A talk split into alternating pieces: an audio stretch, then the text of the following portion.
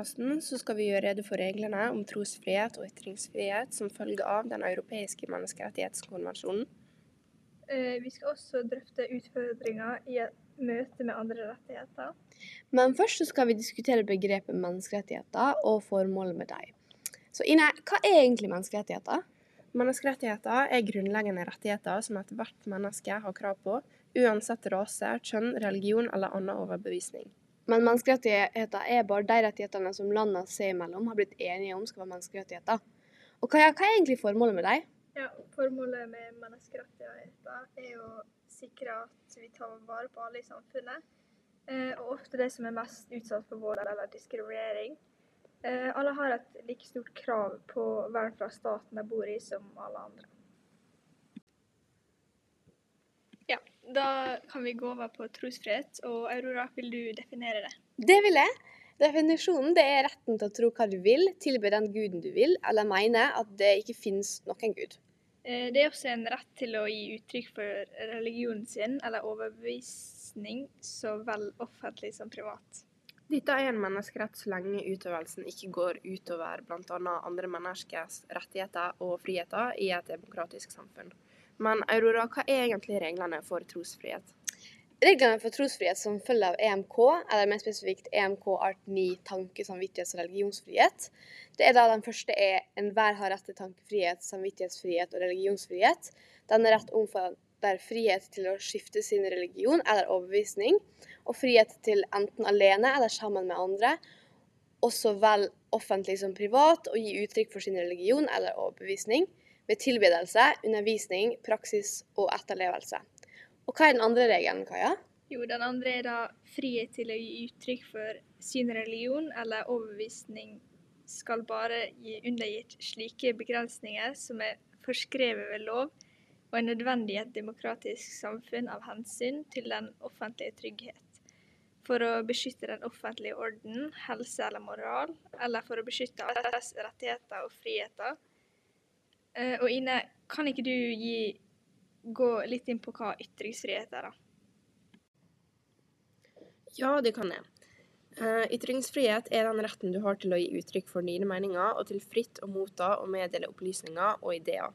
Begrunnelsen for ytringsfrihet er at den er av grunnleggende betydning for den offentlige debatten om hva slags samfunn vi vil ha. Kan ikke du gå inn på litt regler om ytringsfrihet, Aurora? Jo, det kan jeg. Reglene for ytringsfrihet etter EMK er at enhver har rett til ytringsfrihet. Denne rett skal omfatte frihet til å ha meninger og til å motta og meddele opplysninger og ideer, uten inngrep av offentlige myndigheter og uten hensyn til grenser. Denne artikkelen skal ikke hindre stater fra å kreve lisensiering av kringkasting, fjernsyn eller kinoforetak. Og fordi utøvelsen av disse frihetene medfører plikt og ansvar, så kan den bli undergitt slike formregler, vilkår, innskrenkninger eller straffer som er foreskrevet ved lov og som er nødvendig i et demokratisk samfunn. Det er av hensyn til territori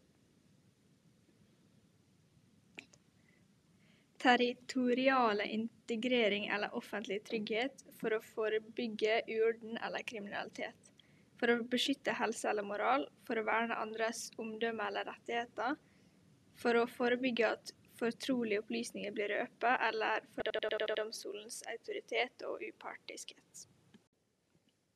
Utøvelsene av trosfrihet og ytringsfrihet kan komme i konflikt med andre menneskerettigheter. Kan dere fortelle meg Ine og Aurora om en utfordring? Ja, det kan vi vel, Ine. Ja, ja, ja. En utfordring som er veldig sentral nå, er brenning av hellige bøker. For ei uke siden ble en koran brent i Sverige, og sist fredag hadde Sian planlagt å brenne Koranen i nærheten av en moské på Stovner i Oslo, og på lørdagen på Sandefjord torg. Politiet stoppa dem, og de brukte til og med tåregass for å roe ned demonstrantene. De fikk ikke brent Koranen, men den ble revet i stykker og spytta på av lederen. Det er mye omsnakka om dette er greit pga. retten på ytringsfrihet. Lovbestemmelser om vern mot hatefulle ytringer vil kunne være en aktuell begrensning av ytringsfriheten. Brenningen vil også hindre at boka ikke tjener sitt formål, og det å bli lest. Da kan man si at koranbrenninga vil kunne hindre eller begrense ytringsfriheten til Koranens forfattere, utgivere og andre som vil utøve bokens formål. Koranbrennerne mener jo at de må få utøve sin ytringsfrihet ved å brenne boka, men det innebærer at de reduserer ytringsfriheten til motparten. Derfor mener jeg koranbrenning har flere grunner veldig svak rettslig vern. Ikke minst så vil dette utfordre trosfriheten, som er retten på å tro på det du vil. Når man brenner en hellig bok til en religion, så er det for å provosere. I disse tilfellene muslimer og andre som respekterer religion. Eh, Sian står jo for stopp islamisering av Norge. De går imot alle reglene trosfrihet står for, mener jeg. Eh, og Ine, har du noen flere utfordringer trosfrihet kan by på? Ja, det har jeg. Eh, en annen utfordring trosfrihet kan komme i konflikt med, er likestilling mellom kjønn. Kvinner blir diskriminert i flere trossamfunn, alt fra stillinger i arbeidslivet til rettigheter å gjøre og gå med det de vil. I noen religioner er det mann som skal jobbe, mens kvinner skal være hjemme. Og Derfor kan religionsfriheten komme i konflikt med prinsippet om likebehandling av kvinner og menn. Det står i EMK artikkel 14 at alle menneskerettigheter i EMK skal sikres borgerne uten diskriminering på grunnlag av kjønn, rase, hudfarge osv. Eh, prinsippet om likebehandling følger også av ordet 'enhver', som blir brukt i de fleste artiklene i EMK. Hvis vi ser på artikkel 9, som, så står det 'enhver person', no, noe som omfatter alle uten hensyn til kjønn eller rase. Men i likestilling- og diskrimineringsloven paragraf 9 så står det om lovlig forskjellsbehandling. Som nevnt tidligere blir kvinner diskriminert i noen trossamfunn når de hadde retten til stillinger. Noen av de stillingene kan være prest, misjonær og imam. imam.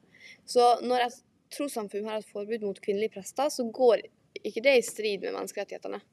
I EMK artikkel 9 paragraf 21 så går religionsfriheten foran diskrimineringsforbudet i EMK artikkel 14.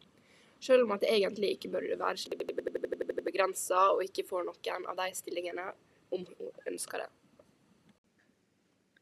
For å konkludere så er menneskerettigheter grunnleggende rettigheter som ethvert menneske har krav på, uansett rase, kjønn, religion eller overbevisning. Utøvelse av trosfrihet og ytringsfrihet kan komme i konflikt med andre menneskerettigheter. Det er mye diskutert om den dagsaktuelle saken om brenning av Koranen er greit pga. ytringsfrihet. Vi mener at det ikke er det. Det er fordi brenninga vil hindre bokens formål og ytringsfriheten til de som vil utøve den. Det hindrer Eh, på en måte også retten til å tro på det du vil, altså trosfrihet. Utfordringa innen trosfrihet var jo at kvinner blir diskriminert i flere trossamfunn ved å f.eks. ikke få stillinger. Vi kom fram til at det ikke går i strid mot menneskerettigheter etter likestillings- og diskrimineringslov. Men vi sier oss ikke enig og mener at det ikke burde være slik. Kildene våre var Rettslære 2-boka av Hasse Bergstrøm side 329, 334, 335, 340 og 341. Lovdata og TV 2. Tusen takk for at du hørte på denne podkasten. Vi håper du lærte noe. Vi ses igjen.